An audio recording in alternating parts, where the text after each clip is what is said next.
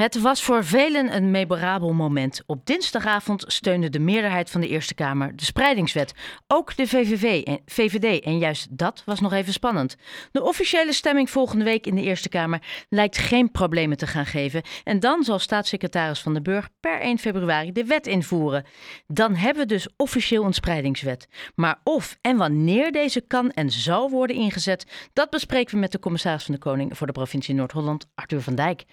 Arthur van Dijk, goedemiddag is het nog net? Ja, nog net.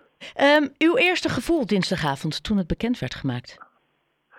Uh, nou, ik, ik heb zelf een deel van het debat ook live meegemaakt. Uh, een stukje uh, via mijn telefoon. En maandagavond na de receptie op, op het Paleis van de Dam met de koning ben ik naar Den Haag gegaan. En heb ik met een aantal collega's hebben dat live bijgezeten. En ja, tot mijn verrassing proefde ik wel bij een aantal partijen toch eh, positieve twijfel, als ik het zo mag zeggen. Dus een aantal vragen aan de staatssecretaris. Dus er was, er was wel een soort van gevoel dat je dacht van nou, dit zou wel eens goed kunnen gaan.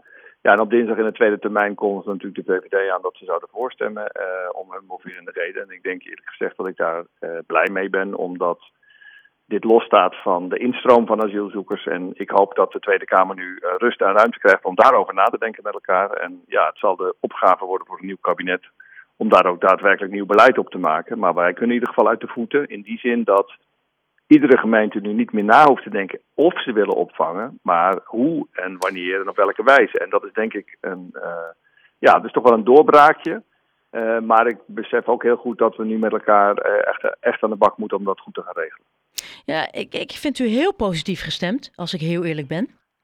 Want nou, als... ja, nou kijk, Weet je, ik heb de afgelopen drie jaar heb ik eh, met een aantal gemeenten hebben we geprobeerd om uh, de opvang op een goede manier te regelen. Nou, we hebben gezien dat, dat bijna dagdagelijks de kranten vol staan over de problemen bij Ter Apel. En dat er ook een paar gemeenten zijn die dat niet willen. Uh, en om hun moverende redenen. En dat er ook veel gemeenten zijn die zeggen van nou, we willen eerst zien dat er een wettelijke verplichting is. Nou, die is er nu. En, op een, en, ja, en eigenlijk het mooiste van die wet, als iedereen nu gewoon meewerkt, hoeft, eigenlijk het dwingende gedeelte van die wet niet te worden toegepast. En eerlijk gezegd verwacht ik ook niet dat dat gaat gebeuren, maar dat eigenlijk uh, het feit dat die wet er nu is, voldoende is voor iedere gemeente om zijn verantwoordelijkheid te nemen. En het mooie is dat uh, gemeenten ook kunnen samenwerken. En dat gebeurt nu voor een deel al op wat kleinere schaal, maar dat kunnen we ook op grotere schaal doen. Dat bijvoorbeeld uh, gemeenten die wat minder makkelijk kunnen opvangen, wellicht ook andere taken kunnen overnemen van andere gemeenten.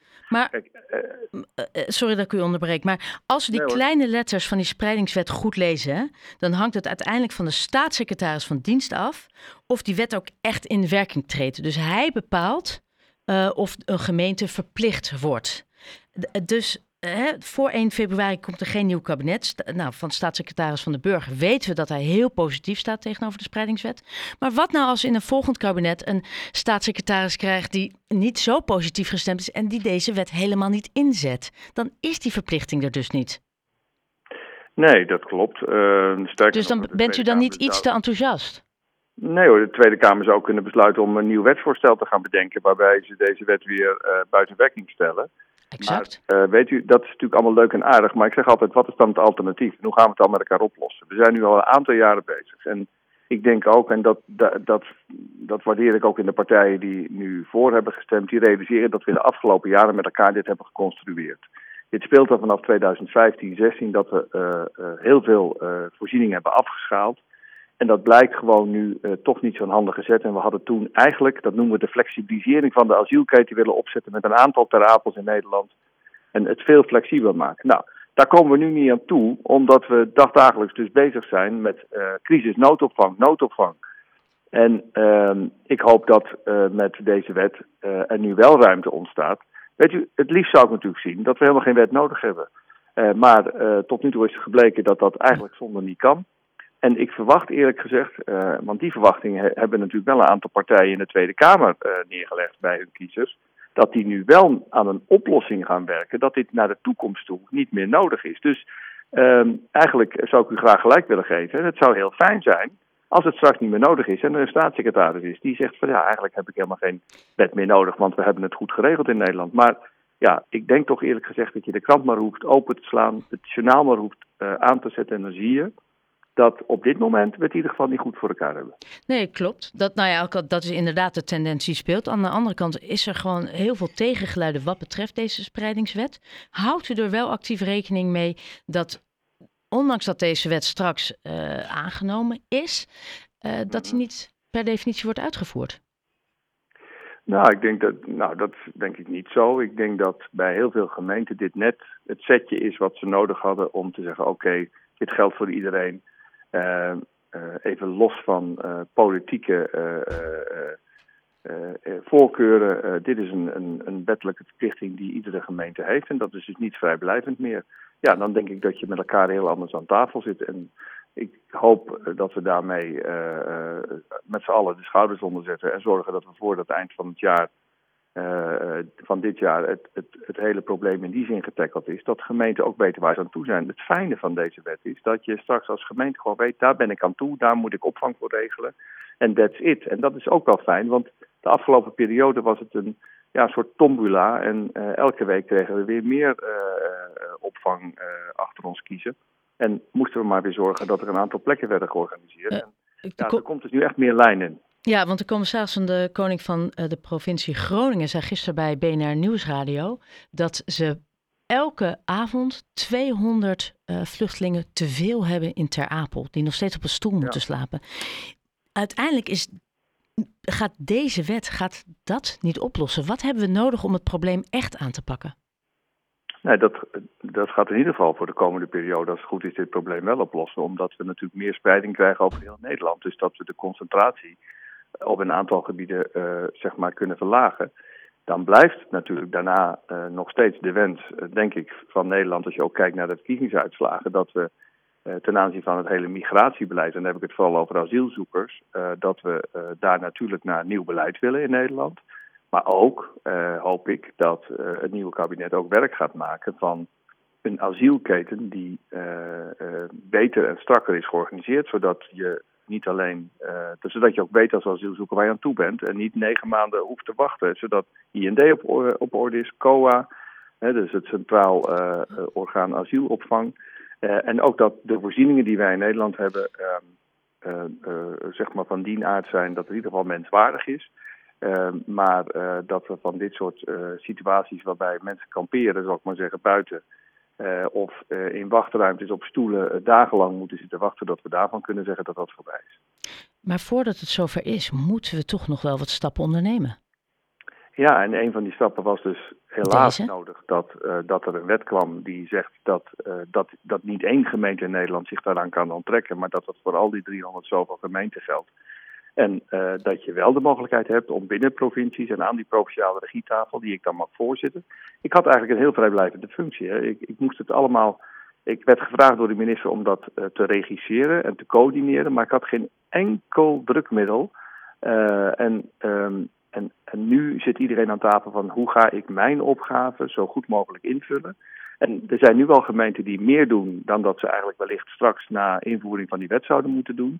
En dan heb je ook weer iets uit te ruilen met uh, een collega-gemeente uh, als het gaat om uh, minderjarige asielzoekers, als het gaat om wellicht ook huisvesting van statushouders. Kortom, er ontstaat nu een, een nieuw beeld. En, maar met u ben ik wel eens dat het nog wel even de komende tijd spannend zal zijn of het ook allemaal, of het ook allemaal voor elkaar krijgt. Ja, en, en wat is volgens mij, er zijn nog steeds een aantal beren op de weg. Dingen die, hurdles we have to take. Wat is volgens u de grootste, uh, wat is de grootste uitdaging? Uh, ja, ik denk dat, dat we met elkaar. De, de grootste uitdaging is natuurlijk zijn geschikte locaties vinden. waarbij we uh, ook in wat permanentere vorm mensen kunnen huisvesten. Want daar zal, zullen gemeenten natuurlijk nu ook naar op zoek gaan. de staatssecretaris heeft ook toegezegd dat wat kleinschaligere opvang ook tot de mogelijkheden behoort. Dus nou, het zal nu even een, uh, een flinke kluif worden om uh, samen met de gemeente, uh, maar ik weet zeker dat die gaan meewerken, dat we de juiste locaties kunnen vinden, dat we dat op een goede manier invulling kunnen geven samen met het COA en een ondersteuning van het ministerie van Justitie. Ja, dat, dat, dat is even de uitdaging. Hier en daar hebben we natuurlijk ook nog wel een uitdaging, dat heet energie. Hè, want je kunt soms ergens iets wel willen, maar er moet ook wel stroom zijn. Nou, zoals u weet is dat ook wel een uitdaging in Nederland. En soms kan stikstof nog wel weer eens een, uh, een, een, een, hobbel zijn, omdat uh, Ja, dat beperkt ons bouwen, ja. Ja, dus, dus er zijn wat dat betreft zeker ook nog wel hobbels te nemen. Maar in ieder geval kunnen we nu wel het plaatje uittekenen van hoe willen wij de komende jaren in Noord-Holland invulling gaan geven aan deze taak. En, en ik hoop dat de Tweede Kamer nu de ruimte die ze nu hebben, want ze hoeven nu niet even meer over opvang met elkaar te debatteren, maar gewoon over oplossingen. Maar daar zit Nederland op te wachten. Ja. En uh, we hadden het in het begin er al even kort over. Uh, er is altijd een kans dat die wet weer wordt ingetrokken.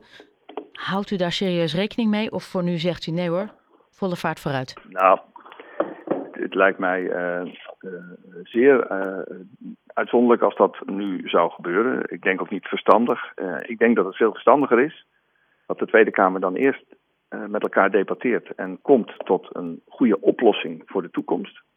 Ja, en als die oplossing robuust is en uh, voorkomt dat we in elke keer in dezelfde problemen geraken die we de afgelopen tijd hadden, hè, dus ter apel en noem maar op, ja, dan, dan ben ik de eerste om met u mee te gaan te zeggen van trek die wet maar in. of hij wordt misschien vervangen door een andere wet waarin juist die oplossing is geregeld. Hè. Dus la, laat dat helder zijn. Dat zou natuurlijk ook kunnen. Ja. Maar ik denk dat, ik hoop, ik, ik hoop dat dat heel snel tot een tot zo'n oplossing komt.